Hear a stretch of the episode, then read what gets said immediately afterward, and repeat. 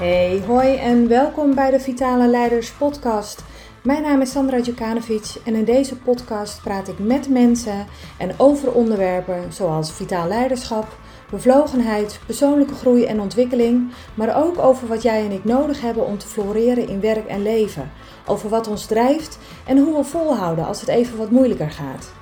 Ik deel mijn eigen ervaringen, maar ga ook in gesprek met gasten en ik hoop je te inspireren om vanuit vertrouwen en plezier je leven, je bedrijf en je team te leiden. Ik wens je heel veel luisterplezier.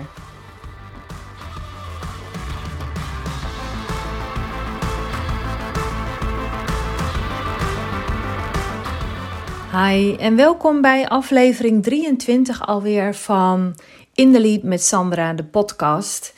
En in deze aflevering wil ik eigenlijk al een beetje vooruitlopen op uh, de vakantie.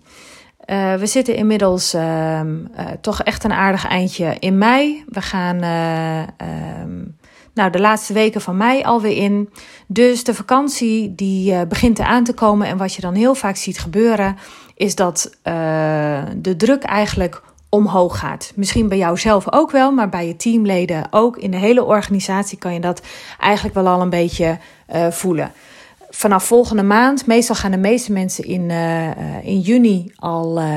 Ja, gaan de eerste eigenlijk al, al op vakantie. En dan zie je dat mensen geneigd zijn om voor de vakantie, voordat ze weggaan, willen ze een aantal zaken afronden. En dat zorgt voor extra druk en extra stress.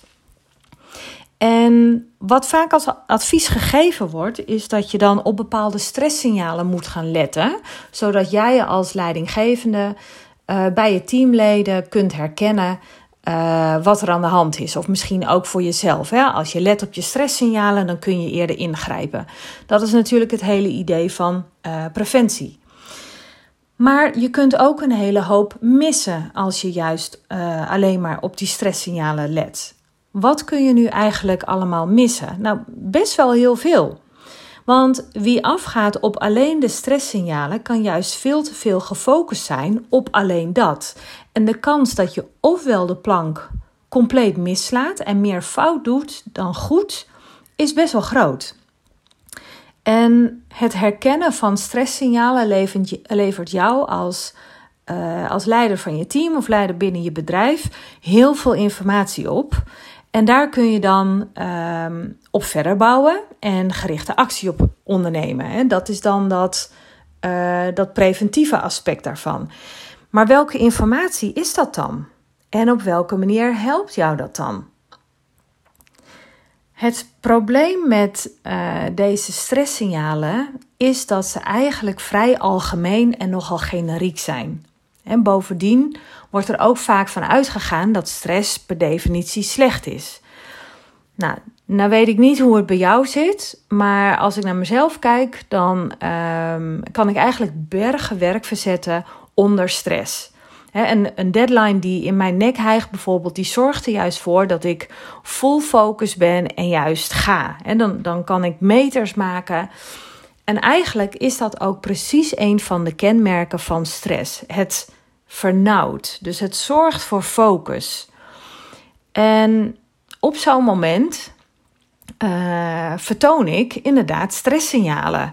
Als je mijn man en kinderen zou vragen, dan, uh, dan zullen die dat zeker beamen. En misschien herken je dat bij jezelf ook wel. Je bent misschien vlak voor zo'n deadline of zo wat meer uh, kortaf, wat sneller gepikeerd.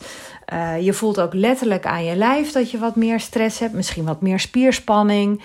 Um, hartslag die wat meer verhoogd is. Je vergeet misschien wat meer dingen. Um, dus ja, ik vertoon stresssignalen. Jij vertoont misschien stresssignalen. Hè? Ik, ik vergeet vaak wat meer dingen, maar eigenlijk doen die er op dat moment niet zo heel veel toe. Ik hoor de helft ook lang niet altijd wat ze tegen me zeggen. Maar ook die dingen zijn op dat moment een stuk minder belangrijk voor mij.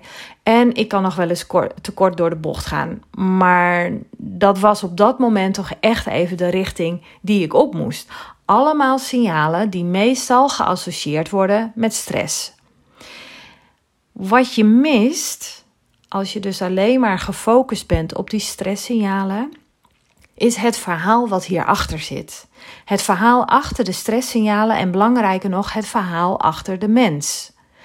Ten eerste uh, moet je heel veel weten over stress om de signalen op de juiste manier te interpreteren en in de juiste context te weten te plaatsen. Je moet weten wanneer het echt stress is en wanneer het overgaat in negatieve stress. En, maar ook wanneer je te maken hebt met flow. Sturen op stresssignalen gaat dus eigenlijk voorbij aan de mensen die erachter zit en de mensen die het werk uitvoert. Wat kun je dan wel doen? Nou, als je juist uitgaat van oprechte interesse in iemand, wat houdt hem of haar nou echt bezig en wat gaat wel goed en wat gaat niet goed, dan zorgt dat voor een veel beter contact en een veel beter gevoel of iemand het zo gezegd wel trekt of niet. Um, en dan gaat dit verder dan uh, die welbekende functioneringsgesprekken hè, van één of twee keer per jaar. Maar juist op die regelmatige basis met uh, teamleden, met, met je team in, in gesprek gaan, met je medewerkers in gesprek gaan, zorg ervoor dat je ze ook echt leert kennen.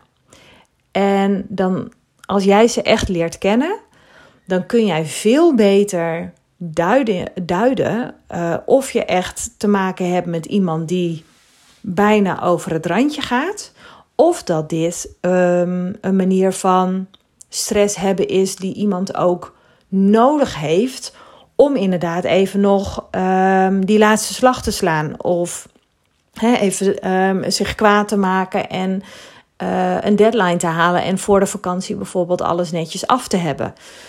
Dat geldt voor jou ook.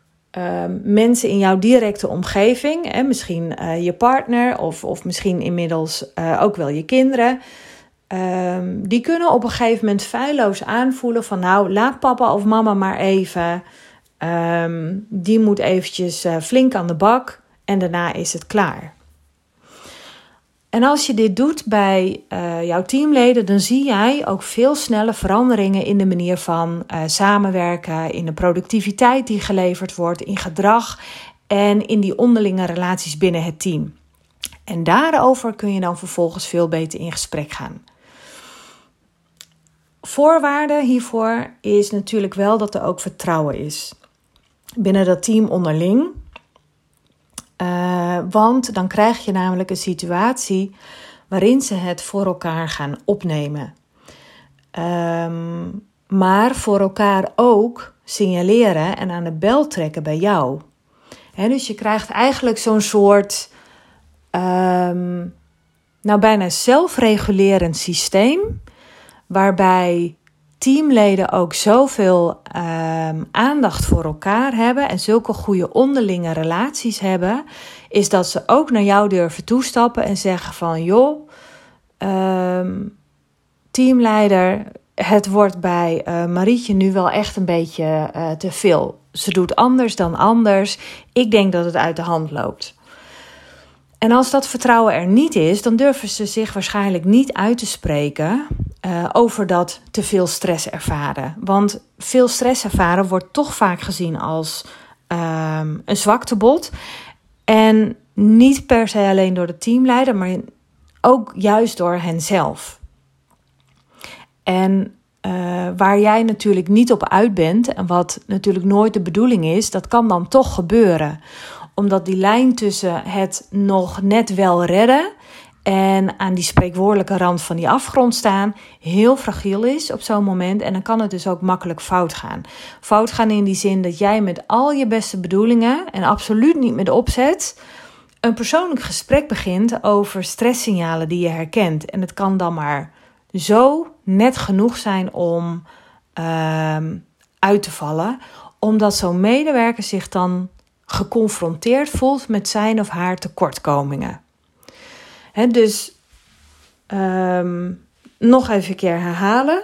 Vertrouwen is in dit hele stressverhaal, als je daar het gesprek over wilt aangaan, is heel belangrijk.